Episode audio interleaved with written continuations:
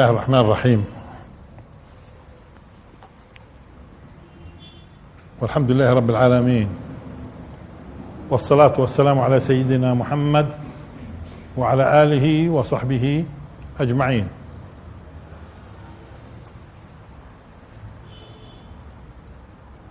أعوذ بالله من الشيطان الرجيم. بسم الله الرحمن الرحيم. سبحان الذي أسرى بعبده ليلا من المسجد الحرام إلى المسجد الأقصى الذي باركنا حوله لنريه من آياتنا إنه هو السميع البصير. تحدثنا في هذه الآية. وبنكتشف أنه تسمية الأقصى هي تسمية إسلامية. يعني بمعنى قبل الإسلام ما كانش معروف اسمه الأقصى وإنما بيت المقدس.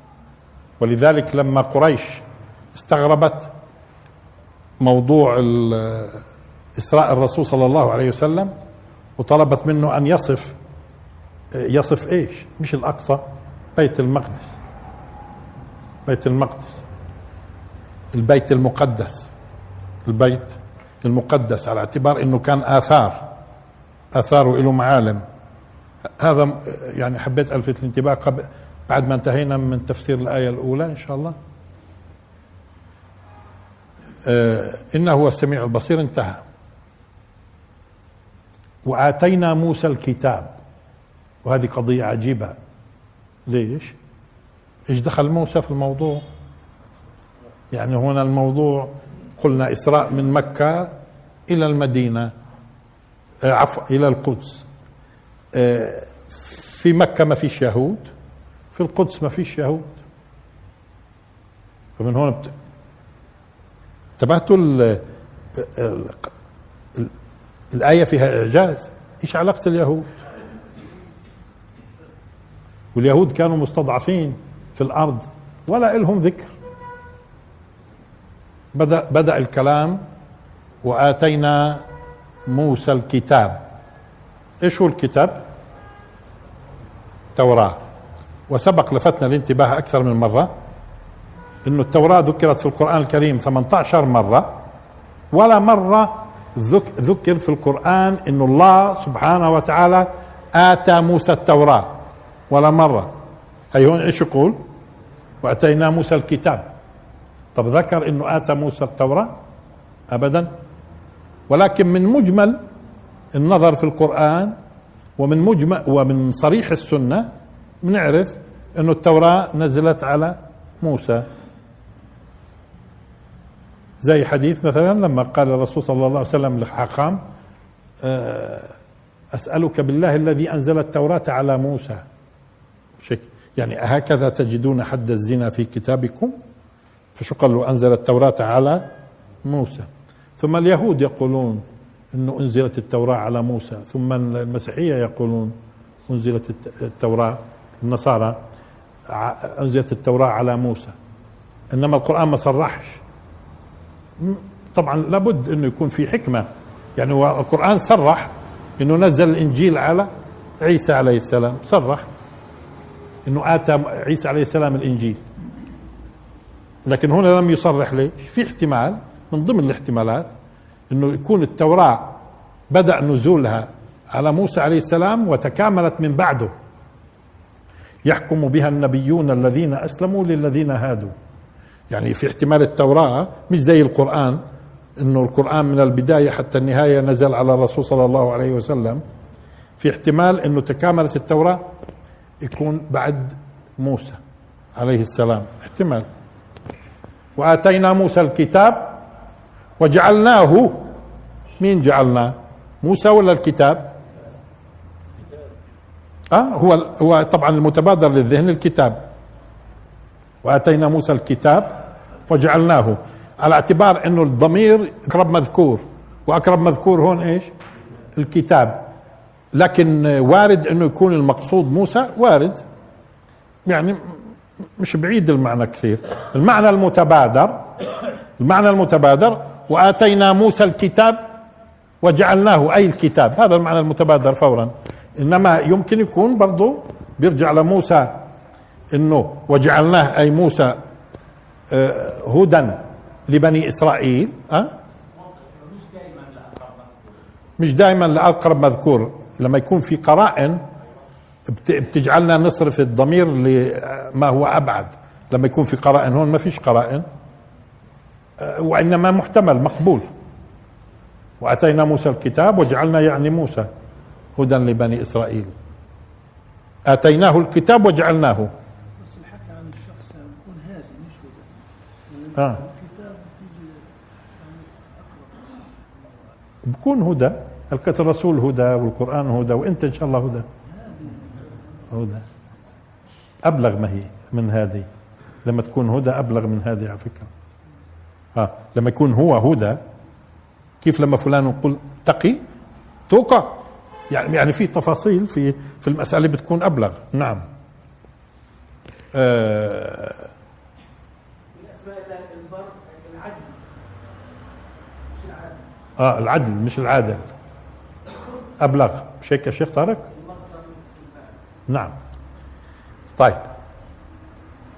وجعلناه هدى لبني إسرائيل بني إسرائيل اللي هم أبناء يعقوب. وسبق إنه تحدثنا في بعض الدروس إنه إسرائيل وأعطينا الأدلة هو يعقوب عليه السلام. وأي كلام ثاني هو كلام. أي كلام ثاني هو كلام. آه، بني إسرائيل أبناء يعقوب. وجعلناه هدى لبني إسرائيل. وفسرنا معنى إسرائيل إذا بتذكروا. مش وقته طبعا الآن كمان. ألا تتخذوا من دوني وكيلا. ألا تتخذوا من دوني وكيلا. هون الوصايا اللي موجودة في التوراة وجاء بها موسى عليه السلام كثيرة. الوصايا كثيرة. مثلا توحيد الخالق. مش بس قضية آه، الاعتماد على غيره أو عليه أو على غيره توحيده. لكن لماذا هنا؟ لاحظوا لماذا هنا؟ ألا دير بالكم التحذير هذا. تحذير. ابرز أبرز القرآن وصية من الوصايا اللي كانت موجودة وين؟ في التوراة. ليش بيبرزها؟ آه يعني معناته هذه إبراز هذه الوصية المشددة لأنها بدها تتلائم مع السياق والكلام اللي بنتحدث فيه. ألا تتخذوا من دوني وكيلا. ديروا بالكم. إياكم تتخذوا من دوني لا وكيل. يعني هو قضى لهم لبني إسرائيل في القرآن؟ لا. وأتينا موسى الكتاب وقضينا إلى بني إسرائيل في الكتاب. واضحة. اللي هو التوراة. لا. لأنه هو وحي بمستقبل. لتفسدن. شوفوا اللام والنون المشددة. هذا معناته تأكيد إيش؟ شديد. كيف لما يقول له لتفعلن أو؟ تهديد شديد هذا. مش افعل أو. لتفسدن في الأرض مرتين. الإفساد في الأرض أني أرض. هو في بشر ممكن يفسد في كل الأرض كيف؟ يعني إلا ظل شوية أراضي ما وصلهاش. إنما أنت لما تفسد في جزء من الأرض أنت أفسدت في الأرض ولا لا؟ لما تفسد مش أنت هو يعني. لما يفسد في جزء من الأرض مش بكون أفسد في الأرض؟ ليش؟ هو موجود وين؟ في الأرض. ما إحنا موجودين في الأرض. في الأرض. ولكن أنو إفساد؟ ومرتين لتفسدن في الأرض مرتين. اذا اذا خليها واضحة في ذهننا. إنه هذه نبوءة موجودة في التوراة. تحذير. إياكم تكونوا أنتم. لأنه هذول اللي بدهم يفسدوا منكم من يعني ممن يتبعوا اليهودية آه، راح يكونوا إيه؟ لأنه من أي من أيام موسى كان هذا القضاء. يعني مع بداية اليهودية. إنه ديروا بالكم بده يحصل. اللي بده يحصل فيه بده يجي في في المستقبل ناس مفسدين يفعلوا كذا وكذا. لتفسدن في الأرض مرتين. مرتين؟ طب ما هم أصلا؟ ويسعون في الأرض فسادا؟ مرتين وثلاثة وعشرة ومليون. آه لأنه راح نكتشف إنه الكلام عن إفساد إفسادتين ع- مجتمع يعني واليهود في حالة مجتمعية مش أفراد مجتمعية في الأرض المقدسة هاي. الكلام عن مرتين دولتين يعني إفساد مجتمعي إفساد مجتمع مش أفراد. إذا أفراد يسعون في الأرض فسادا من أصله. لكن الكلام هون عن مرتين راح نكتشف إنه المرتين من خلال السياق هم دولتين آه آه في فلسطين. في فلسطين. لتفسدن في الأرض مرتين ولتعلن علوا كبيرا. إن فرعون علا في الأرض. إيش يعني علا؟ طغى كمان مرة. إن فرعون علا في الأرض. إيش علا يعني؟ طغى وجعل أهلها شيعا. يستضعف طائفة منهم يذبح أبناءهم ويستحيي نساءهم. إنه كان من المفسدين. انتبهتوا. إيش انتهت؟ إنه كان من المفسدين. لتفسدن في الأرض مرتين ولا تعلن. اذا لأنه الفساد أول شيء شوف إيش الفساد. إيش الفساد؟ بشكل عام لاحظوا.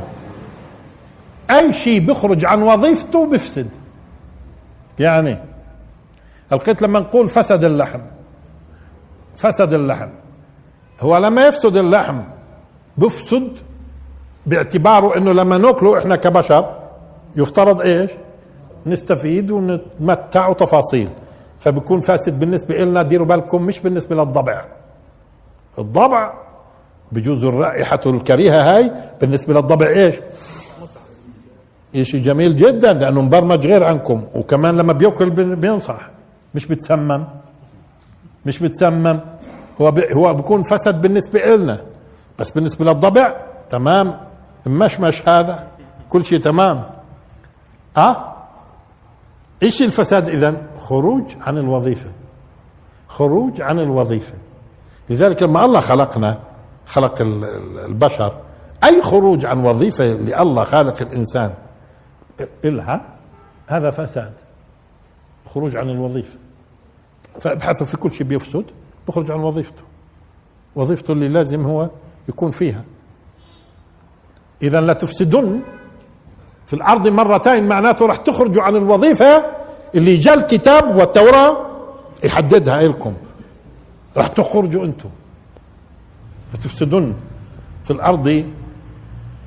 آه، ولذلك ممكن يختلفوا الناس إنه هذا فساد ولا مش فساد؟ لأنه إذا قيل لهم مش هيك لا تفسدوا في الأرض قالوا إنما نحن مصلحون. آه معناته مين يحدد؟ مين يحدد؟ اللي يحدد اللي خلق. اللي خلق واللي صنع هو اللي يحدد وين بيكون خرج عن وظيفته. لأنه البشر لحد الآن مش عم بيفهموا مش عم بيفهموا إنه في الوقت اللي بيظنوا حالهم مصلحين إنهم بيفسدوا لكن لما بدفعوا الثمن لما بدفعوا الثمن بيعرفوا. كيف لما الاتحاد السوفيتي انهار عرفوا. إنه هاي أفكار واحد اثنين ثلاثة أربعة خمسة مش صح. كيف الآن انهيارات في الغرب الغني والقوي واللي بيدرس واللي بي آه آه، هو اللي بي- بي- بينهار اقتصادي. ليش؟ معناته عم بيخرج عن وظيفته. وظيفة المال ووظيفة كذا إلى آخره. إيش المال؟ ليش موجود المال هو أصلا؟ كيف بيفهموه كيف بينظروا للملكية؟ بيخرجوا عن الوظيفة. فأنتوا ف موسى هدى لبني إسرائيل. قال لهم أنتوا راح تخرجوا عن الوظيفة لتفسدن في الأرض مرتين. أنو نوع من الإفساد؟ سبق بجوز قلنا. طب الفأر مثلا الفأر بتلاقيه بيفسد الصغير هذا بيفسد في داخل المصنع في داخل ال- المخزن إلى آخره. بس هذا فساد عن علو عن علو واستكبار وطغيان. بيفسد الفأر عن طغيان. طبعا بالنسبة لك مفسد الفأر أما هو يعني هو قايم بوظيفته. هو قايم بوظيفته الفأر لكن بالنسبة لك بتعده إيش؟ فساد. طيب الآن آه في فساد بيكون عن ذلة ممكن يكون ذليل وتحت ويفسد وفي فساد إيش؟ طغيان. هون في المرتين إيش؟ لتفسدن في الأرض مرتين ولتعلن العلو إيش هون؟ طغيان. إن فرعون علا في الأرض. ولتعلن علوا كبيرا. راح يكون طغيان كبير. اذا الكلام مش عن أفراد يفسدوا هنا وهناك. لا هو إفساد إفساد مجتمعي. دولة في الأرض المقدسة المباركة. ما هو المكان كمان. المكان الإفساد فيه برضه بيكون أكبر لما يكون في مكان مقدس. وفي المكان المقدس كمان وفي في المكان المبارك كمان بتفسد. ولا تعلن علوا كبيرا هذه النبوءة. طيب إذا حصل هذا كان لازم هم يتعظوا. أيوه. ودير بالكم أنتم حتى في فيما بقي من التوراة وما يسمى بالعهد القديم. كثير من انبيائهم كانت تحذرهم. ديروا بالكم بده يصير واحد اثنين. وموسى حذرهم. موسى عليه السلام قال بصير فيكم واحد اثنين ثلاثة إذا أنت بتقدر توجد آثار هذا الكلام. موجود حتى مع التحريف كله موجود. لتفسدن في الأرض مرتين ولا تعلن علوا كبيرا. إذا هنا ننتبه. أن العلو الكبير يتعلق بالفساد. إذا فساد كبير. عن طغيان وجبروت.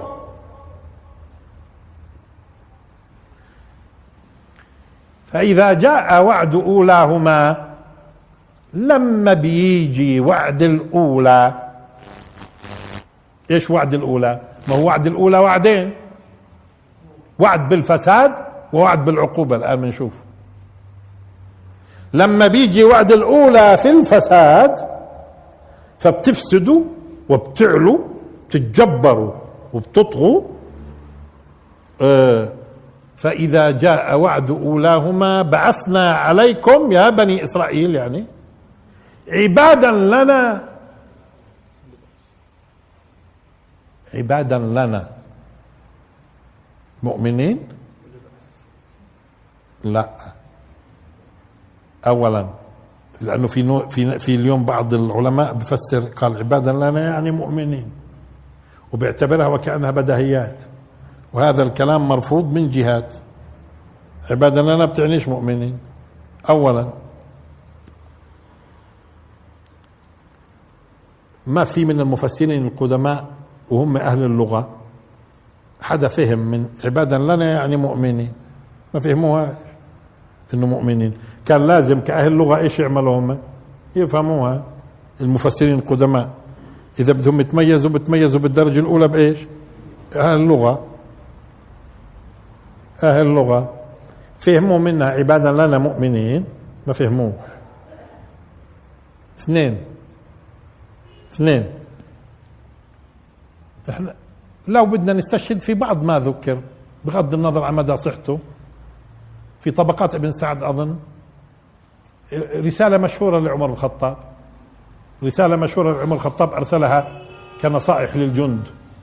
من ضمن كلامه شو قال؟ ولا تقولوا إن عدونا شر منا فلن يسلط علينا وإن أسأنا. فرب قوم سلط عليهم عليهم. شر منهم شر منهم. كما سلط على بني إسرائيل لما أتوا مساخط الله كفرة المجوس فجاسوا خلال الديار وكان وعدا مفعولا. استشهد في الآية. فإذا جاء وعد أولاهما بعثنا عليكم عبادا لنا أولي بأس شديد فجاسوا خلال الديار وكان وعدا مفعولا. اذا استشهد عمر بن الخطاب. ممكن يكون استشهد في شيء ما حصلش؟ لا هو استشهد بشيء حصل. واللافت للانتباه انه عمر الخطاب استشهد في المرة الأولى مش الثانية. في المرة الأولى مش الثانية. لو كانت الثانية حاصلة كان الأولى يذكرهم بأني منهن. بالثانية لأنها أقرب في الاعتبار أقرب في الاعتبار. إنما ولا تقولوا إن عدونا شر منا فلن يسلط علينا وإن أسأنا. فرب قوم سلط عليهم شر منهم كما سلط على بني إسرائيل. لما أتوا مساخط الله كفرة المجوس فجاسوا خلال الديار وكان وعدا مفعولا. انتهى. حصل. هيو بيعتبرهم كفرة كمان. عمر الخطاب. ما فهمش عبادا لنا يعني مؤمنين. لكن اللي برد عليهم تماما في هذه المسألة صحيح مسلم. في قصة خروج يأجوج ومأجوج. الله سبحانه وتعالى بيوحي لعيسى عليه السلام إنه ما يوقفش في وجوههم هذول. هذول ناس ما حدا بيقدر لهم الآن من البشر. ابعد من وجههم. روح على الطور. شو بقول لعيسى عليه السلام؟ عيسى عليه السلام. أخرجت عبادا لي هذا نص في صحيح إيش؟ مسلم. أخرجت عبادا لي لا يدان لأحد عليهم. مين هم يعني؟ يأجوج ومأجوج. طب مأجوج ماجوج مؤمنين؟ مؤمنين هم؟ لا. يعني الرسول مش عربي هو صلى الله عليه وسلم. بيعبرش مظبوط أخرجت عبادا لي. لا يدان لأحد عليهم. كلام لمين؟ لعيسى عليه السلام. ثم أصلا في اللغة العربية هذا التخصيص لي وهذا طبعا بدنا نكرر بعض الأمثلة اللي ضربناها. أنت آه، لما تقول لاحظوا. ولدي. هذه على فكرة جملة تامة ممكن تكون. تامة. ممكن تكون نداء ممكن يكون آه، بنوحي عليه يعني. المرأة بتقول ولدي ولدي. مش هيك؟ الندب هذا أو النداء جملة كاملة. مش هيك؟ آه، لكن لما تقول ولد لي ولد لي كل الآذان تتجه مشان تسمع شو ماله ابنك. بعدين انت لما تقول مثلا المثال ضربناه برضه سابقا ولدي ذكي. انت عم تفتخر بولدك. تفتخر بولدك. ولدي ذكي. تفتخر فيه. بس إذا قلت ولد لي ذكي بتكون انت بتكون انت بدك تخبرهم إنه في واحد من أولادتي أنا منتبه إنه إيش؟ ذكي. فأنت لما تقول ولد لي ذكي. مش هيك هون انت خصصت قلت لي مشان تبرز الصفة. لذلك كل الأذهان تنتظر الصفة. ولد لي ماله ذكي. أما إذا قلت ولدي ذكي ممكن تكون أنت بس بتفتخر بولدك. ولدي ذكي. ولد لي ماله. لاحظوا رحيم أبرز صفة الرحمة. ولد لي ذكي ولد لي قوي. إذا هذا التخصيص مشان إيش؟ إبراز صفة قادمة. إيش الصفة اللي أبرزها القرآن؟ هون فإذا جاء وعد أولاهما بعثنا عليكم عبادا لنا. ها؟ ولي بأس شديد. بدوش يقول مؤمنين. ولي بأس شديد. ليش هم آه، آه، غير المؤمنين بكونوا أصحاب بأس شديد طبعا. مين بد- بدلل لي بآية كمان؟ بآية إنه ممكن الكافر يكون بأسه شديد. مش هيك؟ يلا شوف.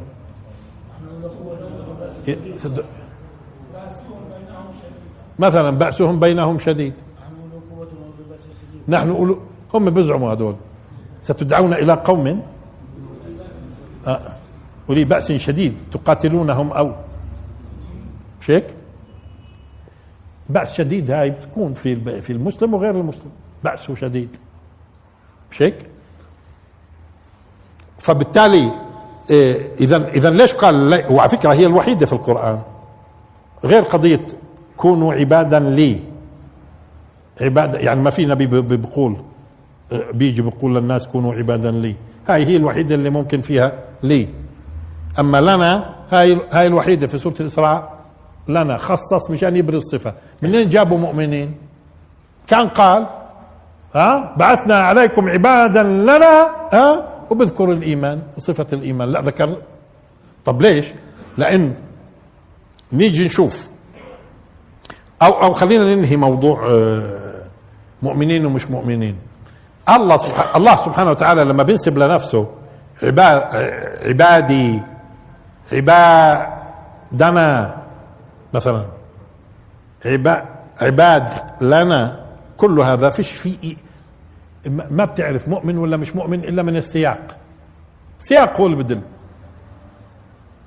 كيف لما قال سبحان الذي أسرى بعبده؟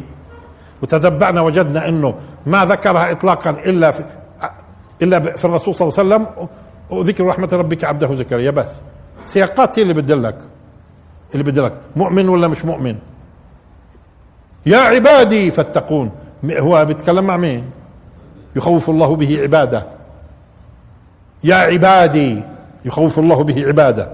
يا ع... أنتم أضللتم عبادي هؤلاء أم هم ضلوا السبيل؟ هيو عباد ضالين أنتم أضللتم؟ نهدي به من نشاء.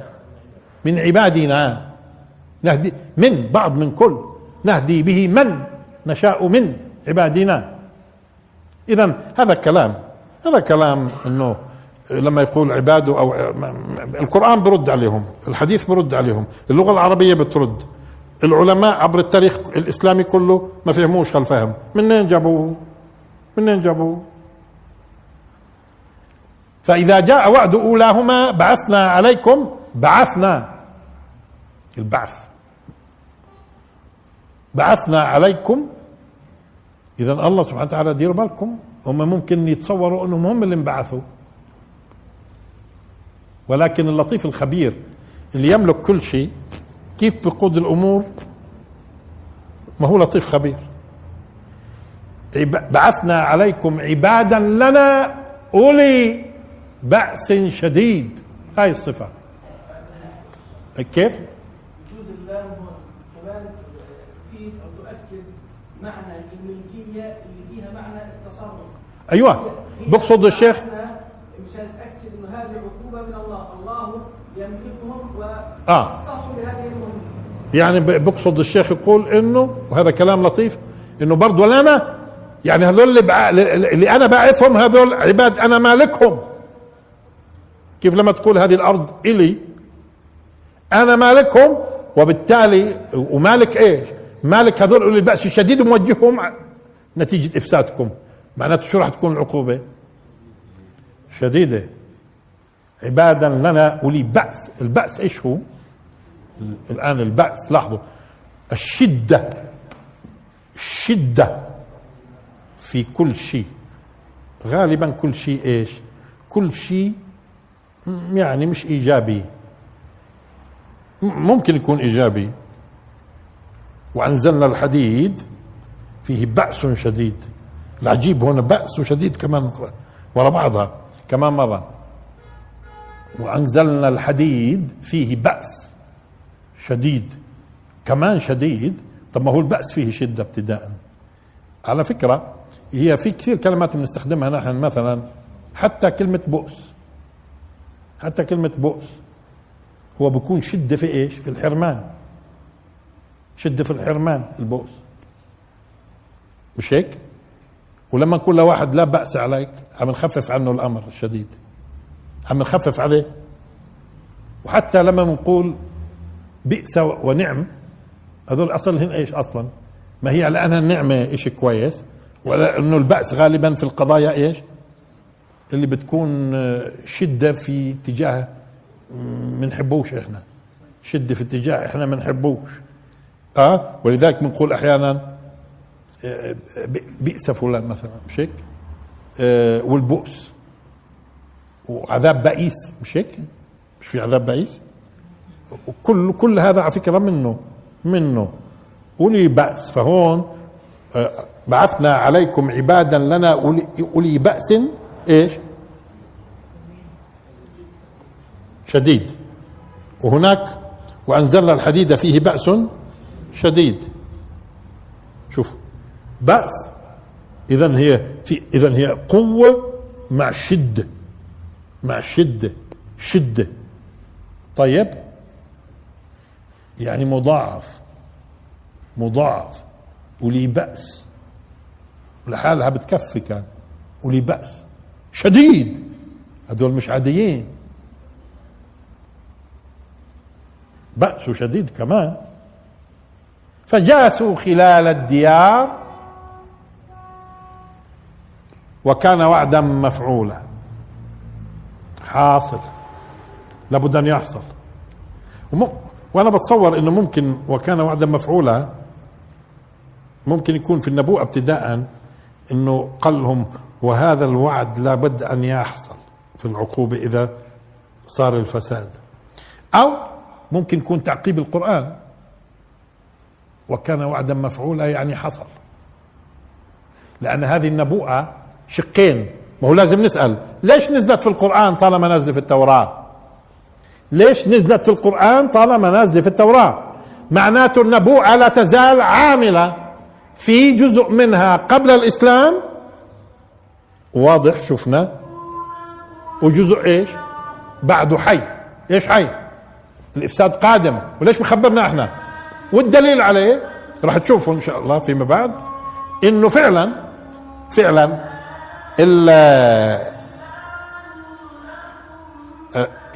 القسم الأول حاصل قبل الإسلام وراح نبين هذا إن شاء الله.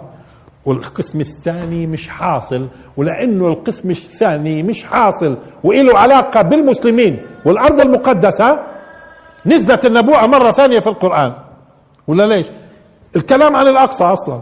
سبحان الذي أسرى بعبده ليلا من المسجد الحرام إلى المسجد الأقصى. إيش جاب اليهود؟ إيش جاب اليهود؟ آه النبوءة هاي اللي أتي بها من التوراة ثم نزلت مرة ثانية لأنه في جزء منها حاصل وجزء منها سيحصل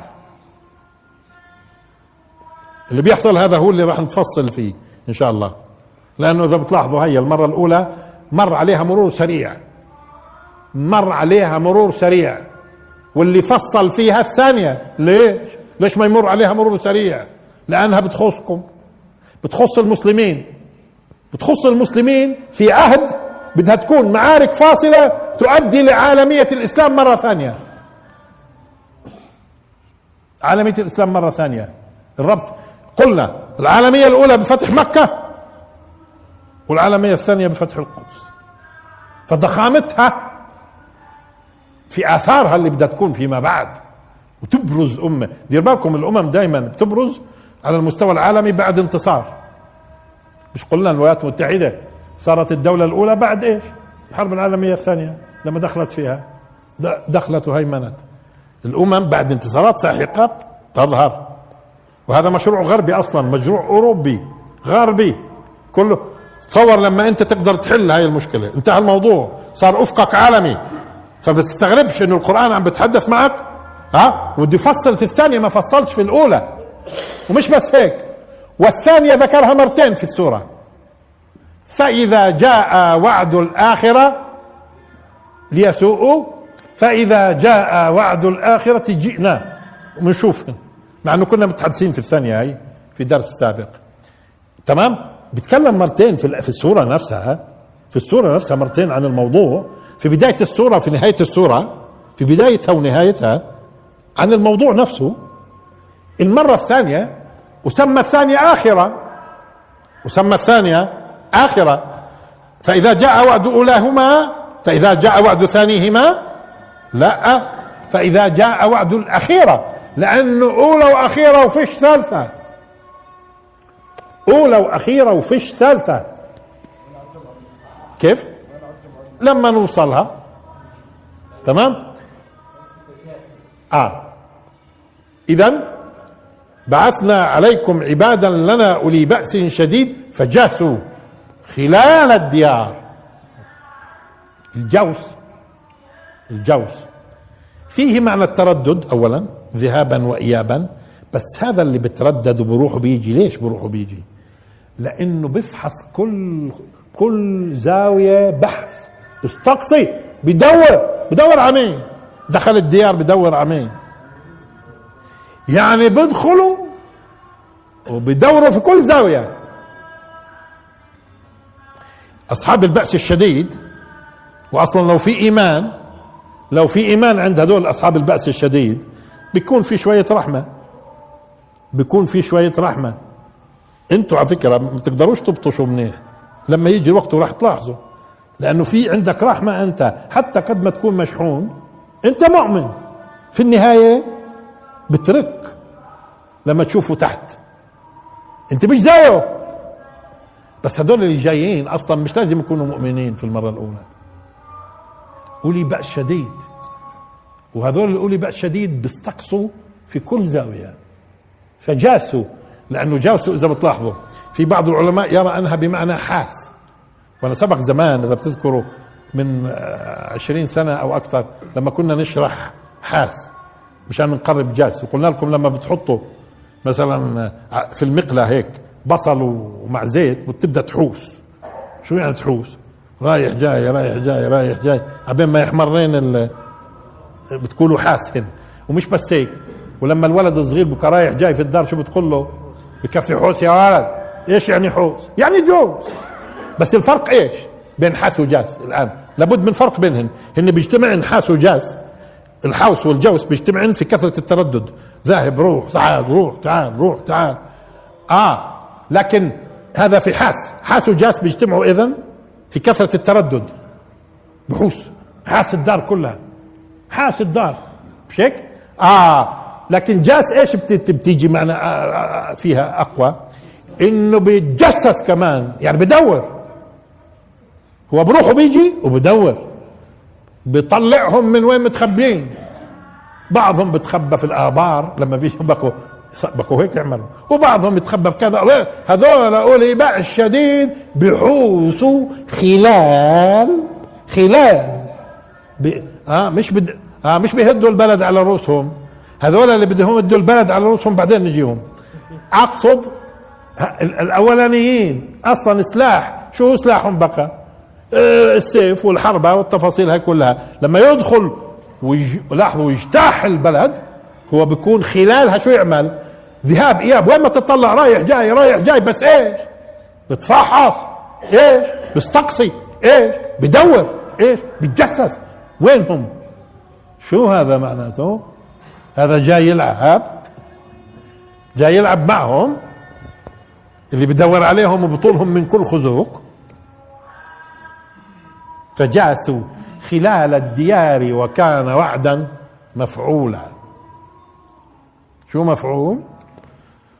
لابد أن يحصل أو أو إذا القرآن عم بيعقب بيقول حصل. حصل. واصلا إذا. فإذا بتلاحظوا في المرة الأولى بسرعة لكن في المرة الثانية الآن بيجي التفصيل. ليش التفصيل؟ لأنه بتكلم الآن مع الأمة المقصودة. الأمة الإسلامية بعد غيبي. بده 1400 سنة بدها تختزل و... وينكشف واقع راح يصير. هذا الواقع هذا الواقع هو اللي بده يخرج هذه الأمة الإخراج الثاني نحو العالميه هاي القصة هاي اللي بدها تخرج المسلمين الإخراج الثاني نحو العالمية. وبعدها فيش ثالثه أصلا مش راح يسقط الأقصى. بعدها بيسقط بظل طالما في إيمان في الأرض. في إيمان في الأرض. مكة والقدس. بتظل في في سلطان المؤمنين إلى أن ينتهي الإيمان في الأرض. بعد ما ينتهي الإيمان في الأرض بلزمنش أصلا. بعد ما ينتهي بلزمنش آه، لأنها لا تقوم الساعة إلا على شرار الناس. انتهى الوقت؟ وآخر دعوانا الحمد لله رب العالمين. نكمل إن شاء الله.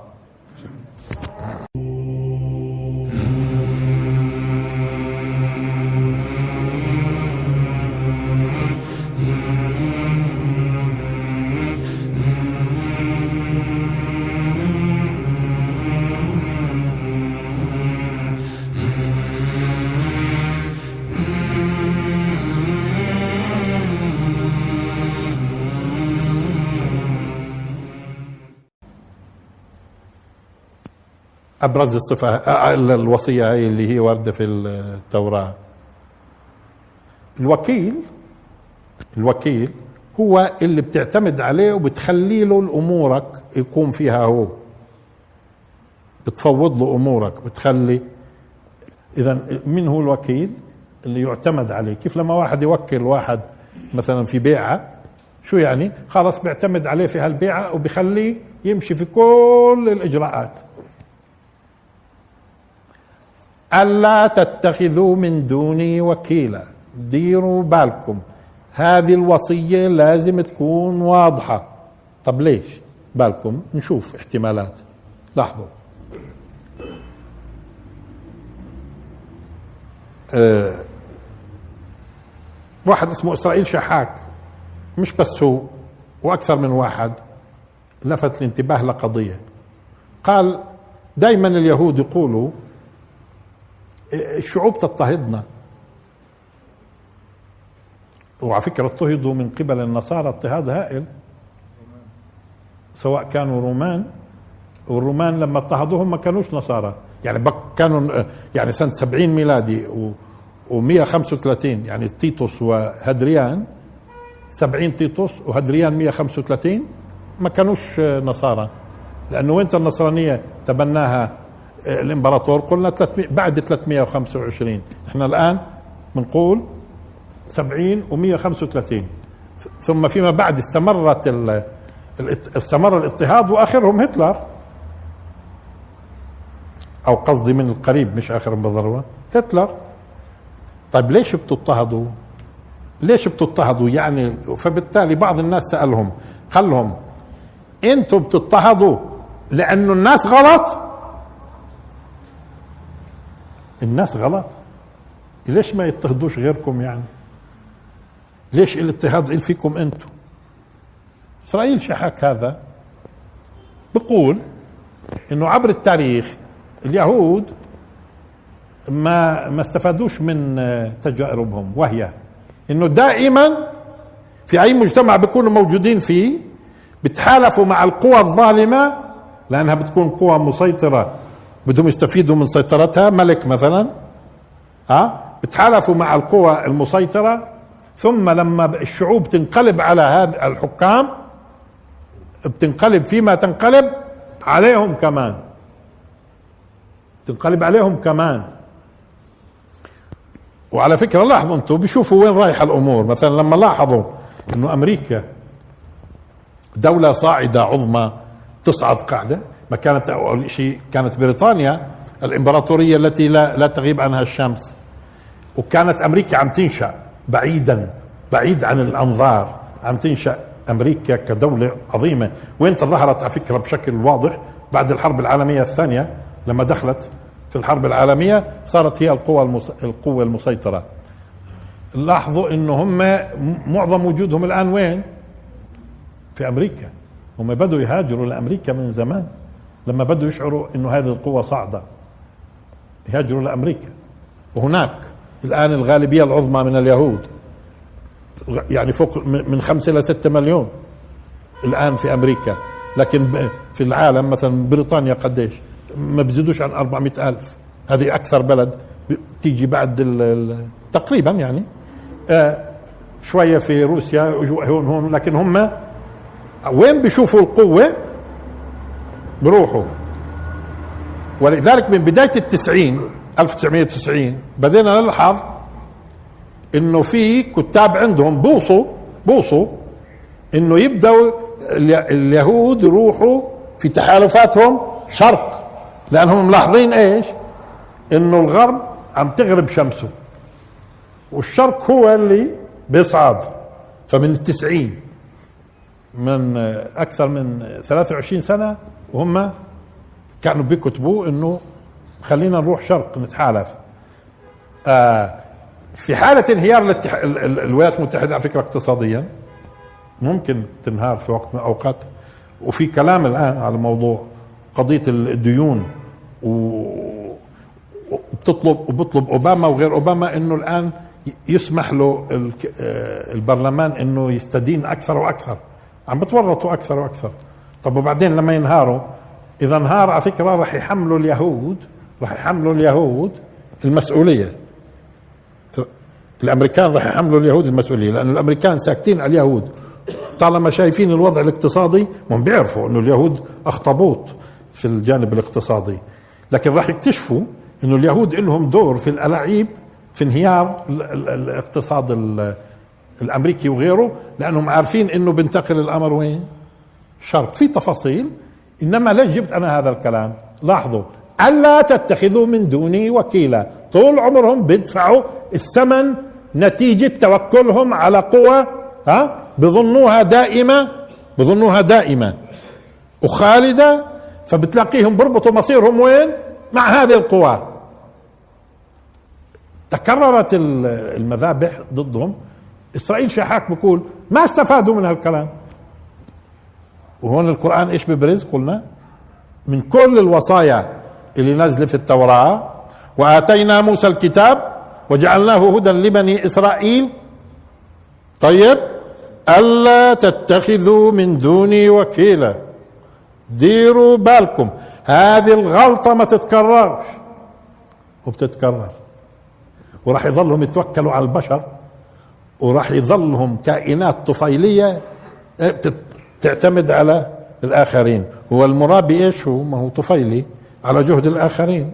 وي وي وي, وي بتجد أكثر أكثر غناهم معتمد على انهم متطفلين على جهود الآخرين. ألا تتخذوا من دوني وكيلا. ذرية من حملنا مع نوح. يا ذرية من حملنا مع نوح. يعني بيناديهم حملنا مع نوح. طب مش ليش مش يا ذرية نوح؟ يا ذرية نوح. ما هو كل البشر ذرية نوح. كل البشر ذرية نوح. جايين من جهة أبناء الذكور أو بنات نوح. أبناء الذكور اللي تزوجوا ممكن يكون من الأقل من من المؤمنين اللي طلعوا لأنه هو أكثر اللي آمنوا معاه ذريته. قديش كان ذريته؟ بندريش 950 سنة وهو يدعو. قديش ذريته؟ إحنا شفنا الولد يعني هذاك العاق اللي راح في الغرق هذا واحد. طب والباقي؟ الباقي 950 سنة هذول يعني قديش وراه نوح أه، وآمنت قلة. اختلطوا ببعضهم فصفى كل البشر ذريته من جهة أبنائه وبناته. أبنائه اللي تجوزوا من بنات القلة المؤمنة وبناته اللي ممكن يتجوزن. بصفى كله ذرية لأنه الذرية بتعنيش. من جهة الأب فقط. الذرية سواء كانت من جهة الأب أو من جهة الأم. فكل البشر فكل البشر. ذرية من حملنا مع نوح. إذا على طول بيخطر في بالك على فكرة على طول بيخطر في بالك السفينة طالما حملنا. السفينة. إنه كان عبدا شكورا. إنه مين؟ نوح. إنه نوح. طب ليش؟ إذا إذا كان ممكن يقال يا ذرية نوح. إنه كان عبدا شكورا. آه هون موضوعهم ما هو دير بالكم النبوءة هاي اللي إحنا بنتحدث فيها إن شاء الله. آه، ما هي تتكلم عن أهم قضية اولا في موضوع اليهود إذا بتلاحظوا حتفهم في توكلهم وتوكلهم على الآخرين. إلا بحبل من الله وحبل من الناس. طالما مش من من, من الله معناته من الناس هم متوكلين على الناس. لذلك إسرائيل زي ما قال عبر البعض تعبير لطيف شو قال؟ قال إسرائيل إسرائيل زي الجنين الجنين آه اللي مرتبط بأمه بإيش؟ بالحبل السري. هو بتغذى بتغذى من وين؟ من, من أمه حبل سري. وإسرائيل على فكرة الحبل هذا موجود الآن في الأم اللي بتغذي اللي هي الغرب إذا انقص هذا الحبل السري قبل ما ينولد الجنين منيح قبل ما يتكامل إذا انقص الحبل السري ما هو اعتماد الجنين أمين؟ على أمه. على أمه. في صلته بالحبل السري. طب قصينا الحبل السري؟ انتهى مات الجنين. لذلك في ناس بتوقعوا إنه كيف تنتهي هذه القصة؟ بقطع الحبل السري. مع مين؟ مع الغاب. ليش؟ لأنه الغاب راح يكتشف في وقت من الأوقات إنه إحنا إحنا هذه غلبة هذا هذا من نفقد مصالح كثيرة. كمثل كمثل الشيطان إذ قال للإنسان اكفر فلما كفر شو قال له؟ إني بريء منك. أخاف الله رب العالمين. ما هي على فكرة في سورة إيش؟ الحشر. هو الذي أخرج الذين كفروا من أهل الكتاب من ديارهم. مين أهل الكتاب؟ يهود. من وهي على فكرة بتتكامل سورة الحشر بتتكامل مع سورة الإسراء. سورة الحشر تتكامل مع سورة الإسراء. ذرية من حملنا مع نوح. إذا بتذكرك بالسفينة بالدرجة الأولى. بالسفينة. إيش السفينة؟ أنتوا لاحظوا إيه إنه الله لما يكون الاعتماد على الله الاعتماد على الله ونوح ومن معه في طريق الله فيش مفاجآت لذلك غرقت غرقت كل البشرية الموجودة وبقيوا مين؟ هذول الناس المتوكلين ومعتمدين على الله وسايرين وفق أوامره وكان آه، نوح عليه السلام بيبني فإذا المفاجأة إنه هذول الناس اللي آمنوا وكانت هذه السفينة في المكان ولذلك على فكرة يعني سفينة الإسلام أنتم راح تلاحظوا بعد فترة إنه اللي ما ركبوش فيها من الناس عندنا راح يندموا لأنهم راح يشوفوا الأمور اختلفت كثير. هذول اللي تأخروا في ركوب ركوب السفينة. في ركوب السفينة لأنه البشرية كلها راح تختلف موقفها من الإسلام. إنه كان عبدا شكورا. مين؟ نوح. طب إيش الشكور؟ إحنا سبق لأنه فسرنا بس على وجه السرعة. الشكر شكر شكر فيه معنى إظهار النعمة وإجلالها. إظهارها وإجلالها. مع بكون شكر. يقابلها كفران النعمة. ستر مع عدم تقدير لهذه النعمة. كفران النعمة ستر للنعمة. مع عدم تقدير إلها. معناته أنتوا يا بني إسرائيل مش زي يعني مش ماشيين على خطى نوح عليه السلام. إنه كان عبدا لله عبدا لله شكور. إيش شكور؟ يعني يظهر النعمة ويجلها. معناته هذول الناس إيش؟ عم بسجل عليهم صفة إنهم هم يكفروا النعمة. يستروها ولا يقدروها. لأنه أي إنسان على فكره بيسلك ما بيعطي النعمة حقوقها ما كل نعمة لها حق. يعني نعمة البصر لها حق. نعمة السمع لها حق. نعمة القوة لها حق. قمت فيها يعني أظهرتها في مكانها وأجل وقدرتها. هم يبدو عم بسجل عليهم الآن إنهم هم غير شاكرين. ذرية من حملنا مع نوح. إنه كان عبدا شكورا. وقضينا أه، مشيت أنا بسرعة شوية اليوم لأنه مشان نبدأ في النبوءة. اللي بتخصكم بالدرجة الأولى. وقضينا إلى بني إسرائيل. القضاء على فكرة القضاء من ضمن معانيه مثلا الانتهاء. وتم الشيء. تم. وانتهى. مين بيعطيني آية بتدل على انتهى؟ منكم من قضى نحبه ومنكم من ينتظر. فإذا قضيتم مناسككم. قضيتم إيش يعني؟ انتهى. خلصنا. تم. لا إذا بدي شيء واضح اللي هي قضيت الصلاة. قضي الأمر الذي فيه تستفتيان. انتهى كل شيء. تم. تم. تم. هون في قضاء على مثلا. لكن هون إذا بتلاحظوا قضاء إلى مش هيك؟ قضى على. الآن قضى وقضى له. لي عفوا قضى لي. مثلا قضى له وقضى عليه وقضى إليه. قضى إليه. هون أني منه قضى إليه. وقضينا إلى. إذا قضى على؟ لا. قضى لي؟ لا. قضى إليه. معناته بده يوصل له. بده يوصل له. الله سبحانه وتعالى أوحى إليهم وحيا تم وانقضى. وانتهى. إذا وقضينا إلى هون فيها معنى الوحي. الوحي إليهم بأمر انقضى هذا الوحي وتم بلغت الكلمة بلغت المعلومة وصلت لهم. لأنه إليه فيه إيش؟ بشعرك بأنه بيوصل. مش هيك اذا هنا قضى وقضينا إلى بني إسرائيل. اذا أوحى إليهم بوحي تم تم ووصل من أيام موسى. يعني ما لهمش عذر. وصل وصل. تم تم. أخذت الفكرة كاملة؟ أخذناها. طيب ما هو أصلا ليش عم بعطيكم؟ بعطيكم مشان تعتبروا وتقولوا وتقولوا طالما بده يصير خلينا مش إحنا. مش هيك؟ خلي اللي يصير معهم مش إحنا. مش إحنا. ولا لما يكشف لك النبوء يقول لك هذا اللي بده يظلم واللي بده يعمل بده يصير فيه هيك. تفضل.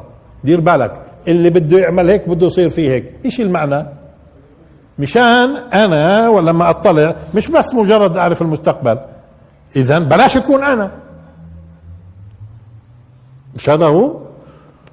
وقضينا إلى بني إسرائيل في الكتاب. أنو كتاب؟ أنو كتاب؟ شيء طبيعي التوراة.